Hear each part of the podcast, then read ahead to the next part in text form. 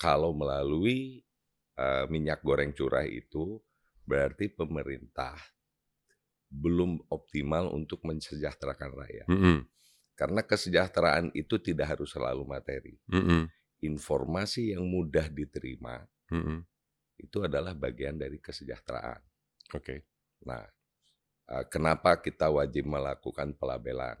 Yeah. Kenapa wajib menginformasikan di label itu berbahasa Indonesia? Oke. Okay. Artinya masyarakat kita supaya bisa memahami yeah. informasi yang akan disampaikan melalui produk mm -hmm. dan nutrisinya juga dan nutrisinya mm -hmm. dan sebagainya. Mm -hmm.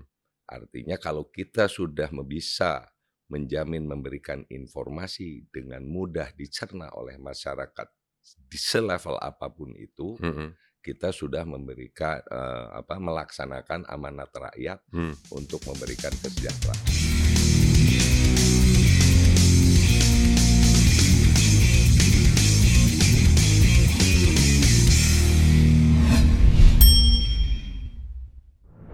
Jumpa lagi dalam Tagar Togar Podcast. Saya Togar Sitanggang dan pada perbincangan kali ini eh, kita akan membahas sesuatu hal yang sebenarnya sangat menarik ya eh, bagi untuk didengarkan.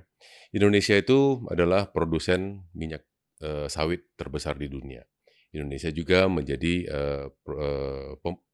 daerah atau pemasaran minyak goreng yang terbesar di dunia juga. Akan tetapi Indonesia adalah satu dari dua negara di dunia yang masih memasarkan minyak goreng secara curah. Nah, untuk membahas ini, uh, saya kedatangan tamu Bapak Oke Nurwan, uh, Direktur Jenderal Perdagangan Dalam Negeri Kementerian Perdagangan Republik Indonesia. Apa kabar Pak?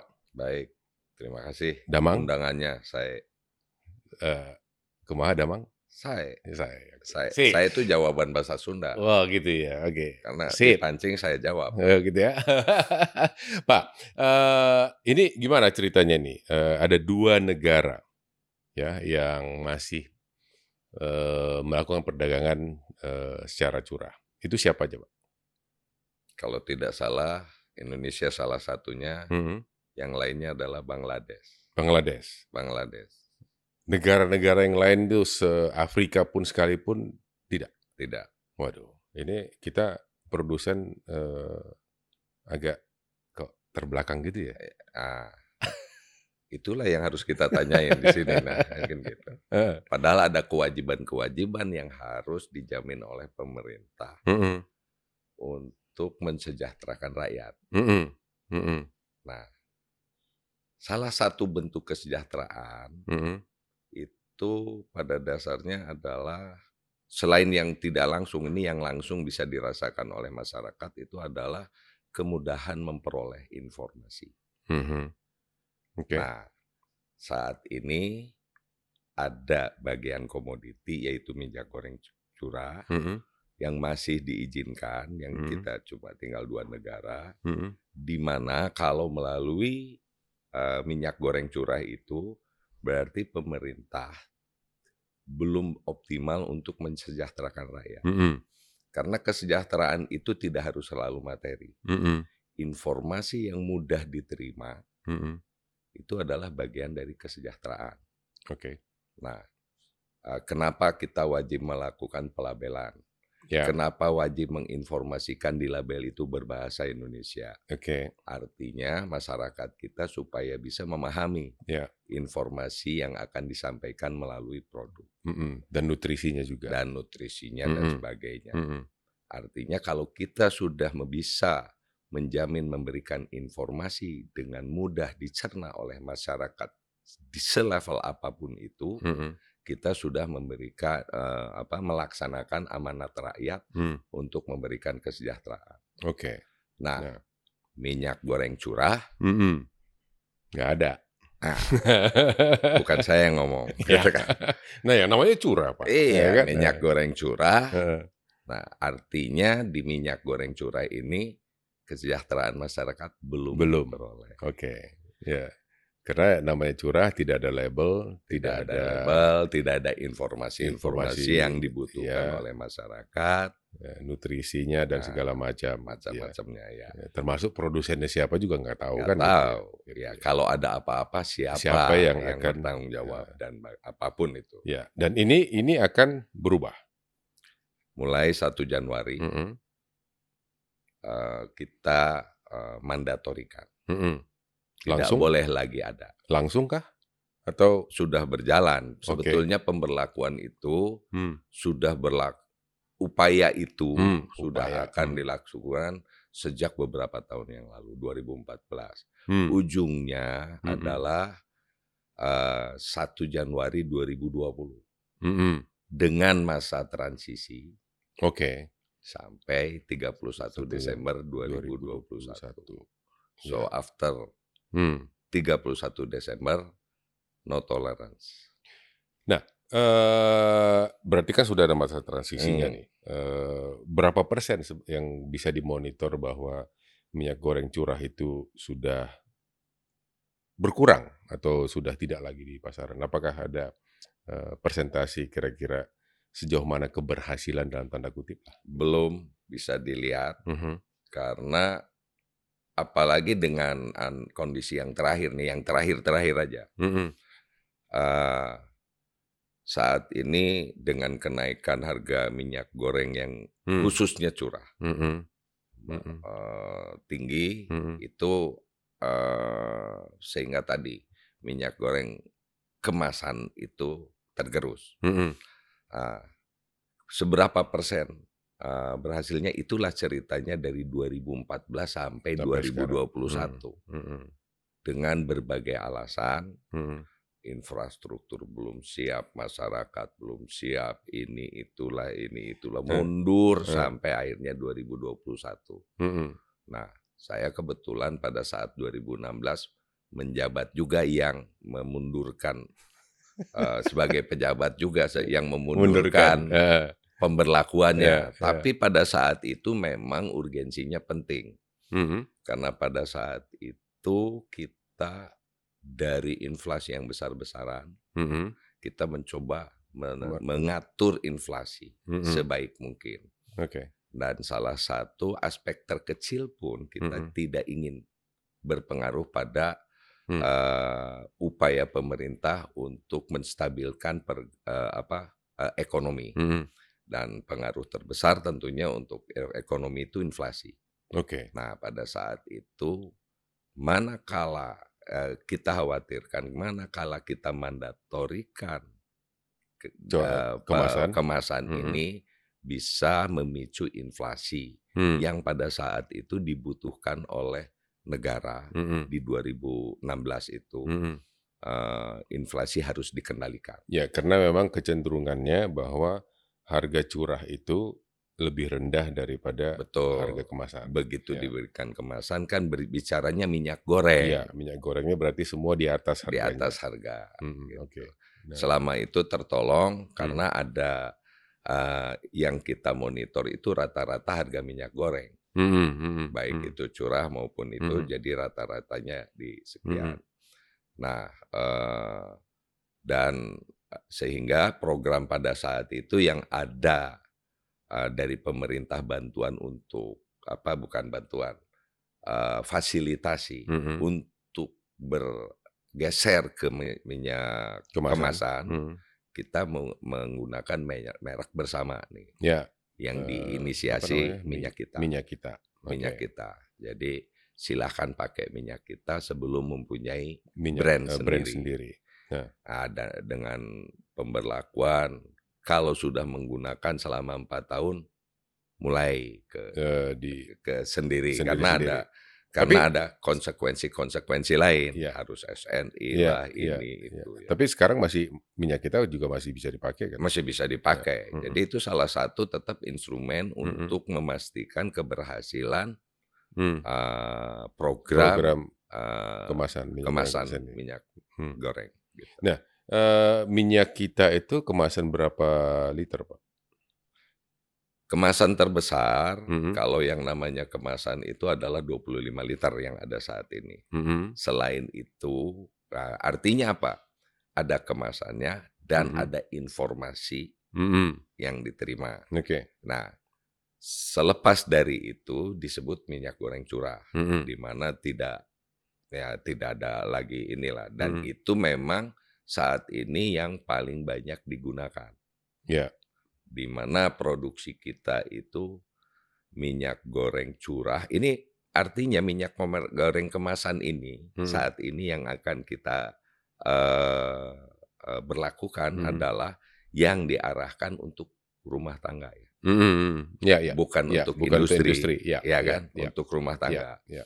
Nah, porsi untuk in- ru- eh, minyak goreng curah itu kurang lebih sekarang tuh 66 persen. Oke.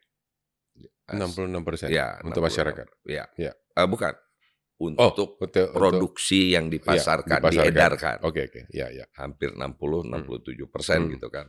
Nah, sebagian di antaranya adalah industri. Mhm. Artinya dia eh, di masyarakat itu 35 persen lah. Hmm. Itulah yang akan kita pastikan. Menjadi- Kalau industri kan base-nya eh, B2B, ya, Eh, kontraknya pun ya, eh, ada kriteria Iya. yang dipersyaratkan oleh industri Iya. karena dikaitkan dengan kewaj apa eh, manajemen mutu yang Iya. mereka terapkan. jadi bukan bukan labelnya nggak Bukan, nggak perlu ya, label di nggak perlu label, industri. Karena. Eh, spesifikasi atau kriteria itu industri Iya. yang menentukan dan harga pun beda. Iya. Nah, sementara untuk masyarakat kan nggak begitu. Hmm, hmm, hmm. Tapi pemerintah wajib menjamin dari kesehatan, keamanan, Hmm, hmm. dan eh, K3L lah Mm-mm. intinya. Hmm. Itu kita harus pastikan bahwa masyarakat itu mendapat produk yang nyaman, Sehat. aman, dan sehat Ya. digunakan. Ya. Itu itu harus kita pastikan. Hmm. Dan eh, masyarakat juga eh, mempunyai eh, pilihan tersendiri Mm. sehingga dia bisa membaca apa yang ditawarkan oleh produk. Hmm. Karena ada kalau kemasan sederhana beda dengan yang premium. Ya. Premium kadang-kadang ditambahkan sesuatu sesuatu Ini dan itu dan ini dan itu ya. Ya. untuk Mhm. eh, memberikan informasi kepada masyarakat Ya. supaya di eh, apa dikonsumsi. Ya. Tapi intinya standar minimal yang boleh beredar Hmm. itu tetap mengikuti standar nasional Mhm. Indonesia. Hmm. Karena dengan standar nasional Indonesia itu kita artinya memberikan jaminan nih, Hmm. bahwa hal-hal yang mendasar itu sudah Hmm. diatur di situ dan dipenuhi oleh produk itu. Hmm. Jadi kalau tadi 35% ini yang dikonsumsi rumah tangga itu uh, masih beredar saat ini Hmm. di pasar rakyat uh, karena infrastruktur yang belum siap Hmm. gitu kan. Nah, sekarang setahu saya 25 produsen besar sudah Hmm. membu- uh, Sudah sudah, punya. siap Mm-mm. untuk itu. Dan yang pada mereka pun kalau mereka belum punya merek sendiri Bisa pakai bisa pakai minyak kita. yang disediakan uh, Hmm. oleh pemerintah minyak kita. Hmm. Uh, dan uh, uh, mereka sudah cukup lama diinformasikan tujuh tahun Ya. dari Oke. 2014 Eh, mau tidak mau Hmm. tidak bisa lagi beralasan untuk menunda itu hmm. karena konsepnya tadi kesejahteraan Hmm. harus kita pastikan. Yang kedua eh, kesejahteraan itu eh, baik informasi dan sebagainya, tetapi eh, dengan beredarnya minyak curah kita juga menghindari hal-hal yang tidak diinginkan Seperti dari minyak curah Eh, itu. eh, eh, Seperti ya ada oknum-oknum yang tidak bertanggung jawab ya, menggunakan campuran lain Ya. yang berbasiskan minyak bekas Ya. atau yang jelantah ya, dan mereka sangat kreatif, eh, eh, tidak kelihatan, ya, bisa diedarkan dengan bentuk minyak curah. Ya. Apalagi kondisi saat ini minyak curah sangat Sangat, ya. menjanjikan. har- harganya sangat tinggi. Harga harganya sangat tinggi karena minyak curah itu betul-betul tergantung dari harga CPO internasional. Hmm, hmm. Ah, bukan yang kemasan tidak tergantung, Ya, tetapi eh, minyak kemasan itu lebih apa ya? lebih stabil. Lebih stabil Harganya. karena dia Perubahannya perubahannya bisa tidak dikendalikan ya, karena ya. uh, punya masa simpan yang Iya, kurang lebih satu tahun lah, iya, iya. sehingga pergerakan harga bahan baku itu tidak berpengaruh langsung. Langsung, ya. Kalau minyak curah berpengaruh langsung. Mhm. Nah, eee, kalau kita apa, menghapus minyak curah, tadi Bapak katakan oknum-oknum, dan kan banyak juga kita tahu Pak, bahwa oknum-oknum ini mencampur dari yang bekas-bekas kemudian dijual ke Ya, pasaran gitu ya. hmm. Salah satunya adalah gorengan Pak. Nanti nggak nggak enak lagi dong gorengan kita nih. Apa maksudnya gorengan itu menjadi enak karena jelantahnya itu? Iya. Sebetulnya begini Pak, yang kalau yang hasil yang uh, beberapa yang Hasil di, investigasi uh, belum, belum Belum, ada. belum. Tetapi ada yang uh, kita lakukan kajian, Mhm. inves- bukan bentuk investigasi. Mhm, Mereka itu bukan menggunakan minyak jelantah, mhm, tetapi menggunakan minyak baru cuma overuse. hmm, Dilakukan beberapa kali mhm, sampai dia tergolong jelantah pun hmm, dan dia Campur bukan lagi. mencampur minyak jelantah loh. hmm. Minyak baru yang dicampurkan ke jelantah beda dong. Jelantah dia sendiri gitu ya. jelantah Tapi, dia tapi sendiri. enggak enggak juga Pak. Ada ada yang saya tahu, yang saya dengar itu eh, makanya kenapa gorengan itu semua enak gitu ya. Mm-mm. Karena ada gorengan rasa KFC ya kan. Ada gorengan rasa McDonald gitu ya. Ada gorengan rasa ini karena eh, kalau ini semua jadi jadi murni ya mungkin jadi beda. Nah, kalau yang yang Bapak berkatakan eh, mencampur dengan jelantahnya sendiri itu saya pernah Dibalik Pak, Ya. mereka tidak mencampur dengan jelantah sendiri, Eh, tapi, tapi minyak yang sudah jadi jelantah dicampur minyak baru. minyak baru ya kan. Nah, kalau itu itu sebenarnya eh, kunci dari kalau kita makan di pinggir jalan, Pak. tuh. Ya, makin sering dia pakai eh, bumbunya tinggal terus di dalam gitu kan, makin enak gitu. Eh, selera. Permasalahannya kan saya juga bukan expertnya nih. Hmm. Kita nggak tahu katanya kalau overuse minyak goreng itu katanya Tidak menyebabkan sehat, kanker, tadi ya, tidak sehat dan ya, yang lain-lain. ya. Tapi kalau Pak Togar menyatakan bahwa itu bukan masalah sehat dan tidak sehatnya, enak dan tidak enaknya ya saya serahkan preferensinya toh. Salah boleh- satu contoh yang nggak boleh terlalu sering juga lah, Iya. ya kan? salah satu contoh eh, apa eh, kebiasaan kita Heeh, dan eh, yang yang ini adalah eh, sekarang itu eh, men- telah menjadi stigma Hmm. bagi ibu-ibu mhm, kalau membeli komoditi daging mhm. lebih beli lebih baik membeli daging segar. segar. Ah, oke. Itu suatu stigma yang sama Heeh, heeh, dengan dekat lah kalaupun tidak sama.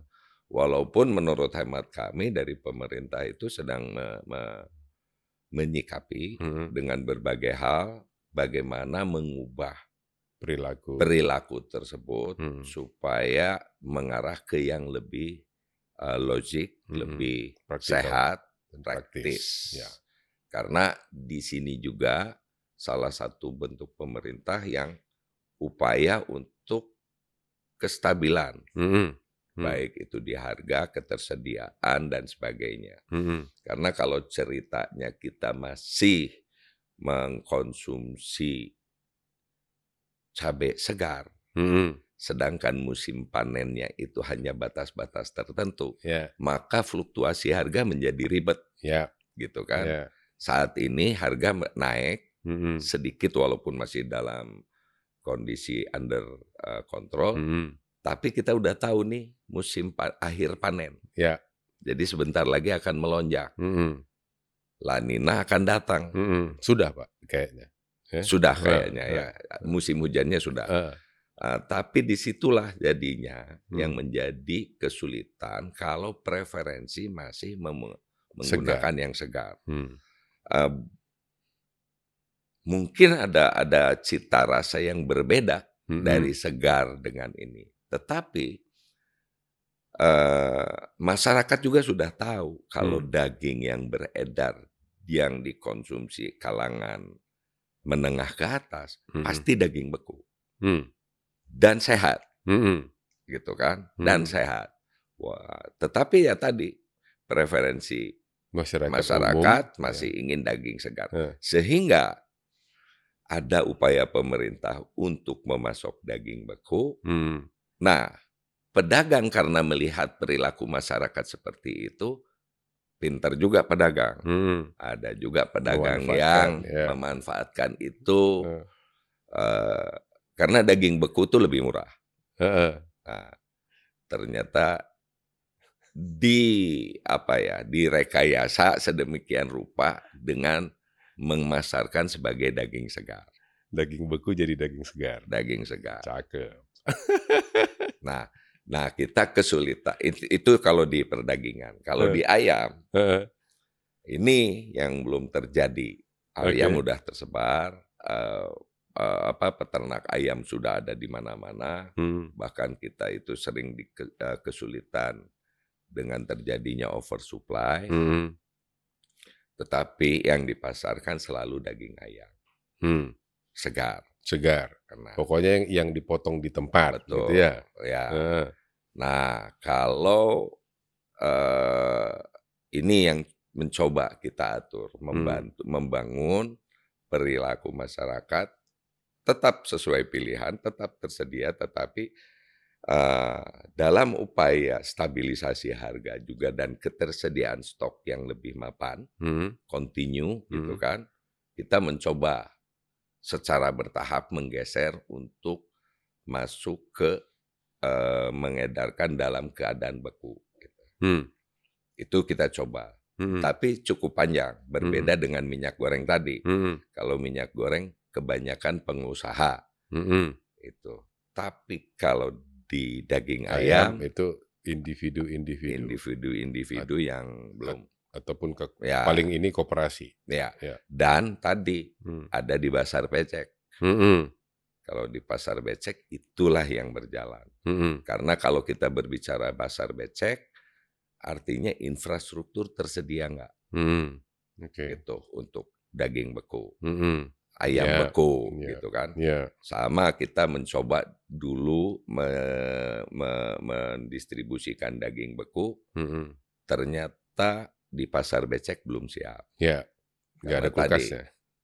Bukan hanya nggak ada kulkas, begitu beli seperempat kilo motongnya pakai mesin, nggak bisa pakai golok kan. Itu infrastruktur yang memang menjadi kerumitan bagi Eh. kita. Eh, ada 16.600 pasar, Wah, Oke. ya kan? Itu gimana nyediakan? Oke. Bagaimana membantu infrastruktur Eh. seperti itu? Eh. Baru kita mau ber- berbenah dari karena saya Dirjen Perdagangan Dalam Negeri, salah satu tugasnya itu ya tadi mengkonversi pasar becek yang Ya. terse- terkesan kumuh, kotor dan sebagainya bisa setidak-tidaknya nyaman, Mm-mm. bersih Hmm. dan higienis. Ya, dan Ya, itu itu menjadi apa namanya pasar modern kalau di di Jakarta. ini. enggak lah pasar modern. Kalau disebut pasar modern, eh, Pasar becek tapi eh, berlantai pak, lantainya oke. bagus gitu oke, kan? ya, kan? it- it- intinya itu Ya. pasarnya tidak terkesan lagi kumuh, Iya, kotor iya. dan becek, Iya, gitu kan? Iya, Nah, kalau pasar modern mungkin tadi kemasan lain-lainnya sudah iya, lebih beda lagi. Iya, Kita tahu ada pasar pasar rakyat modern kan, Iya, kayak di iya. Alam Sutra di BSD Yes, itu pasar rakyat modern. Iya. Tapi kalau pasar rakyat yang 16.600 Mm-mm. itu ya ada di antaranya yang hidupnya seminggu sekali, Iya, gitu kan, acaranya dan sebagainya. Hmm. Tetapi kan kita harus mengkonversi itu. Mm. Tatanan kita baru di pasarnya bersih, Mm-mm. Eh, nyaman dan Hmm. tidak becek. Mm-mm. Belum infrastruktur yang tadi, Mm. belum Oke. infrastruktur goloknya jadi Mm-mm. pakai Jadi gergaji, listrik eh, gitu kan listrik. dan sebagainya. Nyimpennya nggak di orang kasir kita aja masih pakai box Iya. disimpan di situ. Dan Gitu. ini semua eh, apa eh, sedang direncanakan untuk digeser ke lebih modern gitu pak ya. Eh, intinya gini, Ya. target ke- eh, Dirjen Perdagangan Dalam ini lebih pemerintahan nih ngobrolnya jadi. Mm-mm. Ya nggak apa-apa kan yang pemerintah. sih. Oh ya, siap. Siap. Sebelum pensiun saya masih ap- aparatur. Oke. Ya sebetulnya tugas utama dari Kementerian Perdagangan, khususnya Dirjen Perdagangan Dalam Negeri ini adalah tadi, kepastian, Hmm. eee, pasokan dan stabilisasi harga. Mhm. Tantangannya sangat banyak. Hmm. 17.504 pulau, yang konektivitasnya belum jalan, Mhm. ya kan? Hmm. Dan sekarang kita coba dengan eee eee, apa, Presiden Jokowi ini sejak eee, dari sejak periode pertama, pola pembangunannya itu dari terluar ke dalam, Ke dalam, iya. gitu kan. Mhm.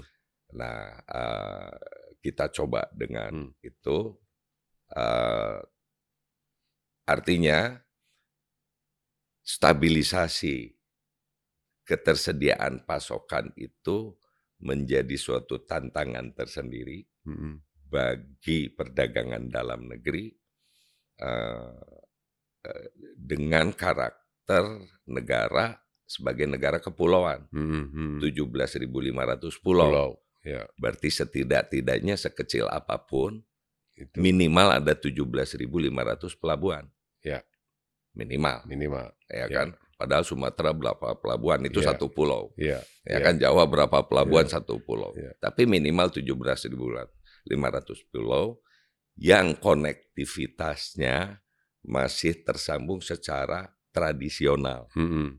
belum diatur. Mhm. Nah, makanya kita salah satunya, eee, untuk memastikan stabili eee, ketersediaan pasokan dan stabilisasi harga, indikatornya tentu disparitas harga Mhm. antar daerah Ya, maupun satu. antar waktu, Iya, gitu kan. iya. Beberapa instrumen kita bangun, eee, coba tol laut, gerai Mhm. maritim, dan Mhm, sebagainya. Eee, untuk memastikan di masyarakat di mana pun Mhm. bisa memperoleh bahan pokok dan bahan penting dengan harga terjangkau. Iya. Itu yang harus kita pastikan. Iya, oke. Dan itu tidak mudah. Ya, Ya, 17.000. salah satu Hmm. programnya Hmm. kembali tadi, Hmm. minyak goreng kalau masih curah, Ya, susah untuk menjangkau itu menjangkau, semua. Ya. eee, tujuan itu. Iya. Eee, komoditi daging dan ayam Juga kalau susah. tidak menggunakan pola kemasan Mhm. dan beku, Itu maka juga susah juga. itu akan sulit. Iya. Itu salah satu, Hmm. semua sebet sebetulnya ujungnya tadi, Hmm. memastikan dengan keterbatasan konektivitas, Mhm. eee, tetapi ada kewajiban untuk menyediakan kebutuhan dasar mas eee, rakyat Mhm. Mhm. dengan harga terjangkau, Hmm. eee, sehingga, eee, mau tidak mau secara sistem ekosistemnya harus dibuat, Mhm. di diperbarui. Bahasa sekarang kan dimodernisasi. Iya iya. Eee, apalagi kami masih berpikir belum dengan teknologi digital. Mhm. Ini kan baru datang aja megatrend ini Iya teknologi iya iya. digital. Hmm. Padahal di depan lagi sudah ada Internet of Things, 5G, Iya iya, ada segala macam. ya. eee, apa, Internet of Things, 5G, ada beberapa tuh, Iya iya. eee, apa, cloud computing Iya dan iya. sebagainya. Iya. Itu tentunya akan mewarnai. Jadi menurut saya Pak, Hmm. eee, saat ini yang harus segera diperankan adalah bukan yang rambutnya putih dan rambutnya botak, Mhm. tapi rambutnya yang masih Hmm. ini, Masih masih mereka bagus gitu lah ya, yang di gitu. ya bahasanya milenial dan Iya, generasi Z, Z, nih udah iya. mulai memikirkan negara. Iya. Tapi milenial dan Z cenderung tidak mau memikirkan negara. Eee, enggak, saya nggak setuju, Eh. nggak setuju. Karena ba banyak sekali mengatakan milenial milenial dan Z itu orang, eee, generasi yang paling cuek.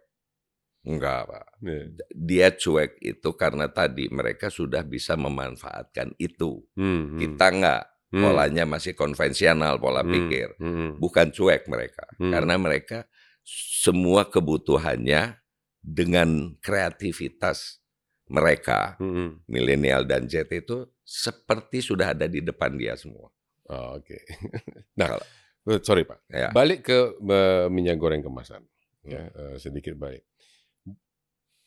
Beberapa waktu yang lalu ada argumentasi bahwa dengan kalau adanya minyak goreng kemasan maka polusi plastik itu makin tinggi. setuju. Ya. Itu Setuju. itu ini, eee mengatasinya apa? Jawabannya apa gitu? Apakah itu yang memang uh, price that we have to pay? Uh, gini, jangan berbicara bahwa itu price we have to pay seolah-olah hmm. kita nggak nggak bekerja di situ. Ya. Hmm. Ya kan? Karena itu itu yang argumentasi Betul. Uh, dari banyak kalangan. Kalau ya. kemasan maka sampah plastik kita makin meningkat. Ya gitu artinya gitu, kan? resikonya hanya mengalihkan dari resiko ini ke resiko ini gitu ya. kan ya. Ya. Uh, nggak nggak nggak harus begitu pak. Hmm. Karena begini, uh, pemerintah juga hmm atau memang sedikit terlambat atau apa, tapi itu memang harus selalu ditangani dan itu kembali membangun karakter bangsa, hmm. karakter bangsa untuk uh, tadi uh, berorientasi ramah lingkungan, hmm. uh, berorientasi tadi menyelamatkan lingkungan, hmm. ramah lingkungan itu, uh, dan dan saya yakin bisa. Hmm Pak Togar, saya pernah hidup di luar negeri atau hmm. pernah ternyata kita disiplin. Hmm. Tapi begitu balik ke Indonesia, balik lagi Pak. Okay. Saya tuh nggak pernah selama saya hidup di Eropa, uh. saya punya SIM, uh. mengemudi itu ugal-ugalan. Ya, tetap ada batasnya kan, limit-limit uh, disiplin. Ya, kecepatan sesuai dengan aturan. Ya, 100 ya 100 kan gitu ya. Bukan hanya itu, Pak. Uh, garis saja. Yes, yes, yes. Saya perhatikan. Yeah. Karena garis ini garis putus-putus dan cara parkir pun saya perhatikan. Yeah. Kalau miring ke sini yes, begitu parkir harus dibelokkan, belokkan dan sebagainya. Yeah. Balik lagi ke sini hilang semua tuh. Artinya, buk, artinya gini, bahwa secara manusia kita itu memang disiplin bisa. Mm -hmm. Tapi kalau lingkungan menciptakan untuk itu, saya di tol ya kembali pakai kadang-kadang pakai bahu jalan. Iya. Nah, itulah. Jadi uh, sama dengan tadi. Tapi tapi sorry sorry pak, kita kita kembali ke ke, ke hidup hidup uh, di luar tadi gitu uh, ya. Kalau misalnya bapak uh, di tol, 100 gitu ya. Uh, sering lihat nggak 100 di batas maksimum dan speedometer berapa? Dan conscious itu kembali ke sewaktu saya di Eropa. Mm -mm. Sering nggak gitu? Kalau saya sering. Ya. Sama. Ya, jadi kalau saya uh, 100, 110, 120 kan. Di, di speedometer 120. Kalau di sana ini udah muncul tuh kiu di dalam di belakang. Betul. Betul. Tapi di sini kan nggak ada. Nggak ada. Gitu ya. Itulah dengan di dibangunnya Japek, pemikiran saya karena kan Japek maksimum 80. Uh, Kamera di mana-mana. Ya. Iya kan? Uh. Nothing happen. Tetap aja 120 tuh. Iya kan? Iya. Tetap aja. Tapi ya itulah tadi lingkungan, Pak. Uh. Sama dengan beginilah. Uh, saya salah satu program di ini di di perdagangan itu adalah memasarkan produk dalam negeri. Mm -hmm. Kita tahu pertumbuhan ekonomi kita lebih kontribusi yang tertinggi adalah konsumsi rumah tangga. Mm -hmm. Konsumsi rumah tangga itu hampir 58 persen ya, uh, untuk nyumbang uh, ke menyumbang ke pertumbuhan, pertumbuhan ekonomi. Hmm. Dan kalau kita ceritanya konsumsi rumah tangga, artinya pasar domestik, ya. dan itu adalah menu makan siang masyarakat Indonesia. Uh -huh. Seharusnya masyarakat Indonesia itu menetapkan menunya. Hmm. Kalau menunya empat sehat lima sempurna, hmm. tapi untuk empat sehat lima sempurna itu memerlukan barang yang tidak diproduksi di dalam negeri, hmm. ah, bisa saja impor, yeah. gitu kan. Hmm. Tapi kan seharusnya mengoptimalkan itu, hmm. kan gitu. Nah dikonsumsi itu kan tadi uh, menunya itu macam-macam. Hmm. Karena kalau saya lihat dari sisi pelaku usaha, dikonsumsi rumah tangga itu ternyata eh, uh, 60% UMKM hmm. 40% pelaku usaha hmm. gede, hmm. ya kan? Hmm. Nah, di konsumsi rumah tangga ini menyerap tenaga kerja. Siapa yang berkontribusi terbesar? Hmm. penyerapan tenaga kerja 92% dipasok dari UMKM. Mhm. Karena tadi pelaku usaha besar itu hanya di bawah 10% karena Mhm. udah mereka menggunakan teknologi dan Iya sebagainya, mhm, ya kan? mhm. Ah, eee dari sisi pasarnya Mhm. sekarang, sekarang beda lagi nih. Pasarnya itu sekarang tuh ada pasar konvensional, Ya. mulai masuk e-commerce Ya, atau ekonomi digital, ya. yang porsinya saat ini masih 4% lah dari Mhm, mhm, dari GDP kita. mhm. Ah, kalau tadi dilihat produk UMKM ini berbeda dengan produk yang ditawarkan pelaku usaha besar, Mhm. sayangnya produk UMKM tuh nilai tambahnya pendek, Ya, hilirisasinya pendek. ya. Walaupun banyak, besar, menyerap tenaga besar, hilirisasinya pendek. Dan Hanya satu dua step saja selesai ya, gitu ya? ya, Hmm, ah, ah, sementara mhm. masyarakat yang menjadi konsumen di sini imajinasinya sudah jauh, Hmm, ya kan? hmm. Nah, itulah yang menjadi warna kenapa bagi para pelaku usaha UMKM, khususnya yang pedagang. Mhm.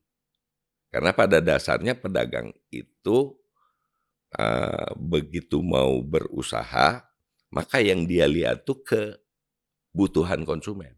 Mhm. Ya, Nah, begitu dia lihat kebutuhan konsumen, baru dia memastikan kepuasan konsumen, ya. ya kan? Mhm. Nah, saat ini konsumen dengan demikian kreatif imajinasi dan sebagainya lebih banyak membutuhkan produk-produk yang bernilai tambah Mhm. tinggi Mhm. gitu kan. Hmm. Nah, itu bisa kita lihat nih. Contohnya di ko- kom- di e-commerce didominasi oleh yang ditawarkan produk impor. Ya, Gitu kan? ya, betul. Sementara di dalam negeri eh apa? eh, produk dalam negeri Ya. ma- masih sedikit. Mhm. Dan e-commerce itu banyak pelaku usahanya adalah di eh, sebagai trader. Mhm. Ya, tidak produsen. UKM yang produsen masih kecil sekali di bawah Iya. 7%. Iya. Kalaupun udah 7%, nilai tambahnya juga masih kecil. Mhm. Sehingga karena ini pedagang, maka beredarlah produk-produk yang berusaha menjawab Hmm. kebutuhan masyarakat Mhm. dan memberikan kepuasan konsumen yang tinggi. Oke. Nah, Oke. itu harus harus dirubah Hmm. gitu kan. Hmm. Nah, kalau kita berbicara tadi artinya karakter bangsa lagi tadi. Ya. Kalau kita berbicara karakter bangsa saat ini harus segera dibangun Hmm. tapi tidak dengan harus dengan program yang betul-betul komprehensif, Mhm. tidak harus jangka pendek. Sepertinya kan sekarang tuh promosi-promosi produk dalam negeri berusaha dalam jangka pendek didapat. Gitu ya, kan? ya. Padahal yang harus dibangun itu karakter bangsa. Dan kalau menyebut karakter bangsa itu berbicaranya generasi. Ya. Sehingga tadi kecintaan produk terhadap Terhadap produk dalam negeri. negeri Hmm. memang harus diawali dari uh, tingkat pendidikan yang saat ini terendah. Mhm. Nah, kalau itu terjadi suatu saat menu makan siang tadi Hmm. yang konsumsi rumah tangga itu Semuanya akan ya di negara maju sudah seperti itu, Pak. ya. Di negara maju Korea, Jepang itu sudah seperti itu. Tapi intinya tadi bahasa kerennya mungkin produk dalam negeri menjadi tuan rumah di negeri sendiri. Iya, tapi eh, yang paling besar yang paling besar itu tetap kita impor, Pak. Tahu tempe, kedelainya kita impor. iya betul, Eh. betul. Saya kan berbicara barang konsumsi. Oh, oke. Tempenya dari sini ya. Iya, nah, itu kan saya berbicara bahwa di konsumsi rumah tangga itu pasar dalam negeri yang masuk itu bukan hanya produk lokal, produk luar negeri juga beredar di situ. Mhm, mhm, Pelakunya seperti ini, konsumennya seperti ini. mhm. Tapi kalau tadi berbicara eh, ekspor impor, Heeh. eh, apa yang diimpor oleh kita? Saya bagi ketiga kategori. Hmm. Barang konsumsi itu 10%. Oke. Sekarang meningkat, Pak. Dari sebelumnya kita bisa bertahan di 7%, 8% Jadi, jadi 10%. barang konsumsi. Sudah mulai melonjak Hmm. ke double digit. Tapi yang diimpor kebanyakan adalah bahan baku, Mm-mm. bahan baku penolong dan barang modal. Bahan baku penolong dan barang modal itu eh, nggak apa-apa lah, Mm-mm. itu perlu Mm-mm. perlu untuk membantu UMKM iya. untuk tadi me- menambah rantai eh, nilai tambah Hmm. apa step hilirisasinya. Nah, barang konsumsi sudah mulai meningkat gitu kan Mm-mm. ke double digit. Nah, bahan baku. bahan baku nggak apa-apa. Nah, Mm-mm. itulah barang konsumsi itulah yang kita harus segera harus segata tidak Nah. tidak naik lebih naik lagi gitu ya. tidak lebih naik lagi Ya. eh, kecuali tadi kalau tidak diproduksi di dalam negeri artinya harus eh, disubstitusi Mm-mm. importnya. Mm. Tapi kalau kita lihat ke struktur ekspor, ekspor kita itu kalau by value itu 55% itu eh, komoditi primer, Oke. 45% eh, produk manufaktur. Mm-mm. Tapi kalau by volume, Mm. saya yakin angkanya lebih dari 65% itu komoditi primer. Mm. Walaupun dalam data BPS dikategorikan industrinya industri primer. Eh, Sehingga kita kelihatannya Eh, uh, komoditi industrinya besar, tapi industrinya masih sifat primer. Bahasanya industri primer kan artinya kan nilai apa nilai tambahnya masih sedikit ya, lah. ya, Iya kan? ya, belum belum Nah. banyak turunan. Tapi tadi intinya masih didominasi komoditi primer lah. Mm-mm. Mm-mm. Dan komoditi manufakturnya 35% lah kalau by value, Mm-mm. Ya kan? Mm-mm. Eh kalau by volume. Mm-mm. Mm. Nah,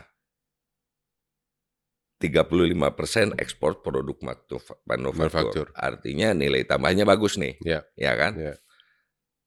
Tapi lihat impor, Konsumsi. bahan baku penolong Ya. dan barang modal Heeh. eh, 90%. Heeh. Gitu kan? Heeh.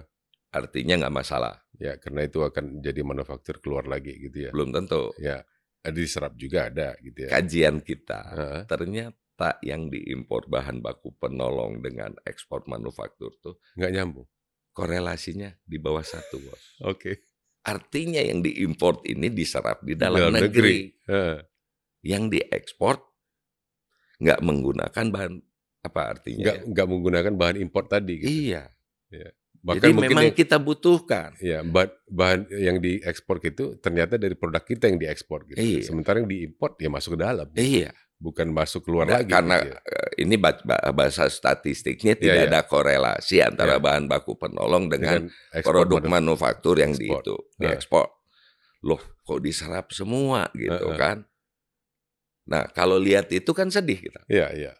Berarti 90% tadi itu kebanyakan masuk ke dalam Ke konsumsi rumah tangga, ke seluruh rumah tangga. dikonsumsi oleh kita. Ya. Nah, bahasanya berarti kan begini. Mohon maaf nih. Hmm. Ya, eh, janganlah. Eh, eh, gini.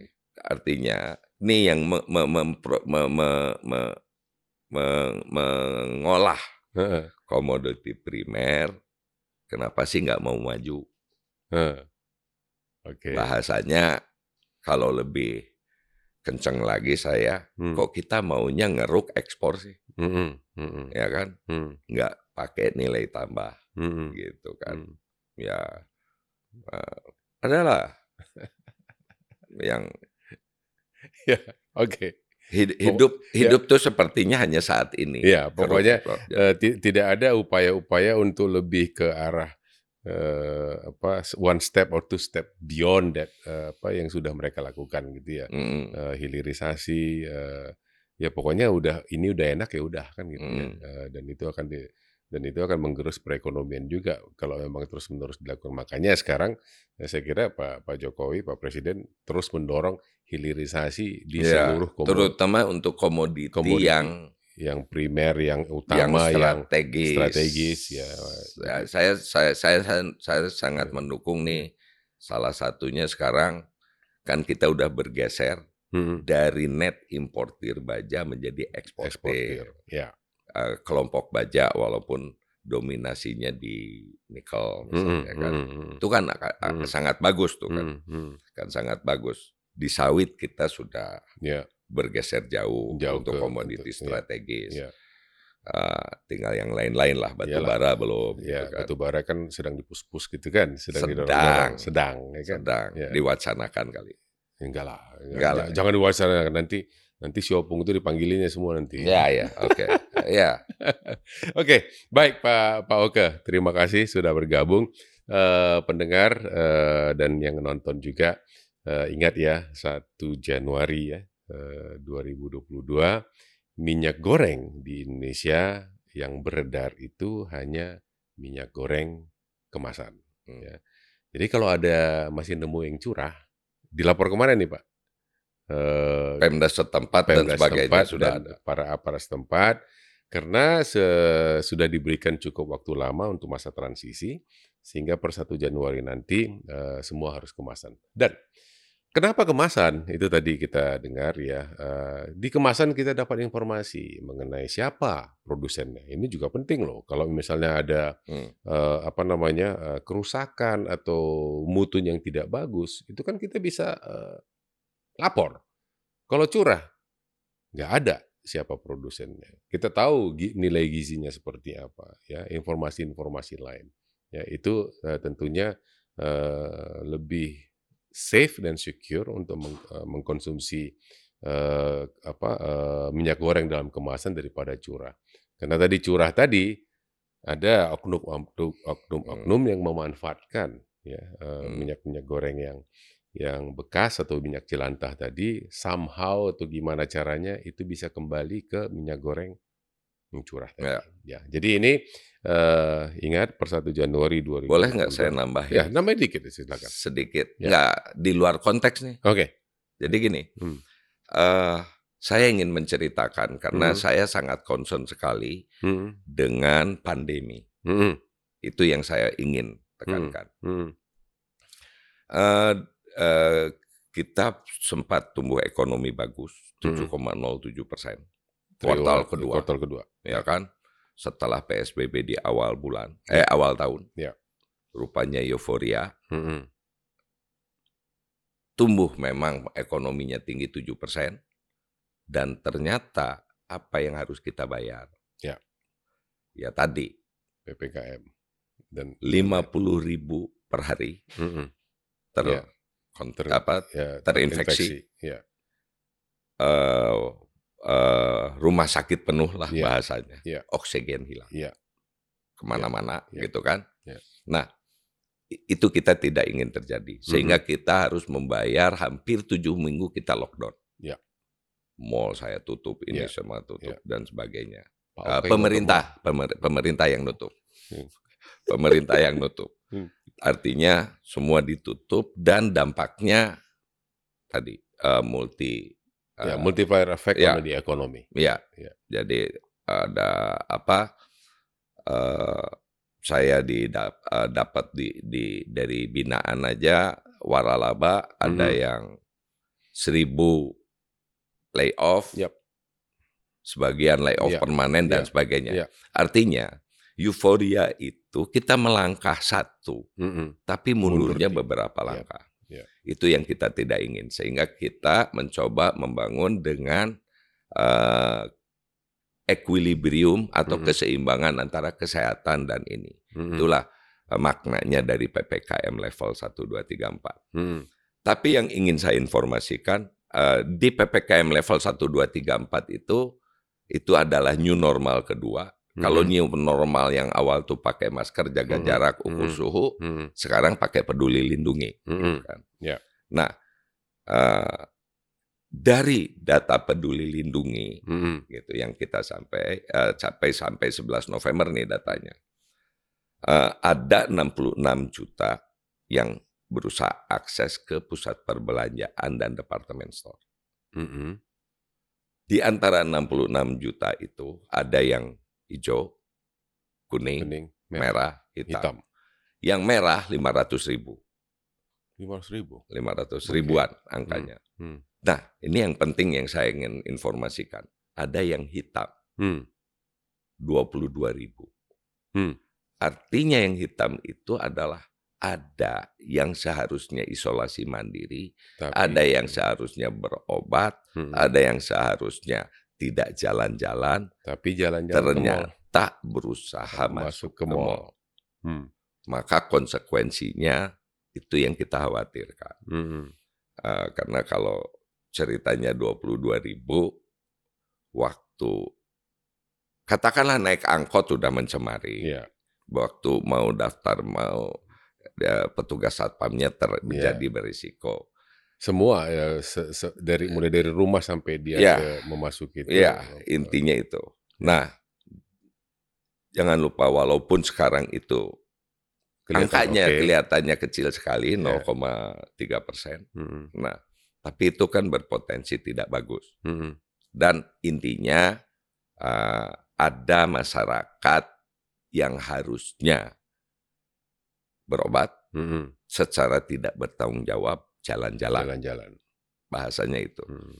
Jadi tolong hati-hati, prokes kesehatan kita harus eh, ketat Mhm. dan jangan lupa kita sudah tahu eh, pelajaran kita setiap hari libur Iya. dan panjang, Iya. maka besoknya boom, Boom. gitu kan. Nah, ini PPKM level sudah bagus, Ya. ada beberapa termasuk Jakarta Jabode, Hmm. Jabode tak Hmm. backnya belum, sudah level 1, Mhm. jangan euforia. Mhm. PPKM tetap berjalan, artinya gini, ini tidak dibuka secara bebas, silahkan ber, ber, ber, beraktivitas, tapi utamakan protokol kesehatan, Tetap jaga. gunakan peduli lindungi, Ya. dan Januari, eh, de- akhir Desember dan Januari itu ada potensi gelombang ketiga. Gelombang ketiga. ya. Dan kita tidak mau gelombang-gelombang lanjutan, Cukuplah gelombang kemarin. Ya. Lima puluh ribu. itu ya, Iya, ya? per Ya. hari. Ya, per Per hari. hari itu ya. Per hari. Ya, sampai eh, Pak Gubernur DKI membuat tim khusus untuk pemakaman loh. Iya. Ya kan? Iya. Yang baru dibubarkan Iya. kira-kira tiga minggu yang lalu. Dan dan kita tidak lagi mendengarkan suara ambulans yang setiap Ah, berapa setiap menit hari itu itu. ya. Itu jadi eh, saya titip Ya. kepada nanti yang mendengarkan PPKM berjalan, peduli lindungi, protokol kesehatan tetap dilakukan. Oke, Pak. Terima Terima kasih. Ya, tadi sudah kita dengar eh, jaga protokol kesehatan, prokes tetap dijaga dan ingat 1 Januari 2022 tidak ada lagi minyak goreng curah. Terima kasih. Sebelum saya pamit, eh, jangan lupa untuk subscribe, like, dislike, dan berikan komen terhadap episode podcast ini. Dan sampai jumpa pada podcast dan episode mendatang.